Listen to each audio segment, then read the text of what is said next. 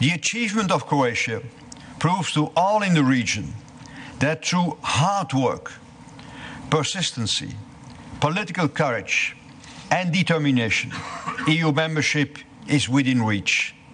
Croatia is a pioneer, demonstrating in a tangible way that the future of the Western Balkans as a whole lies in the European Union. The Union remains committed to this perspective.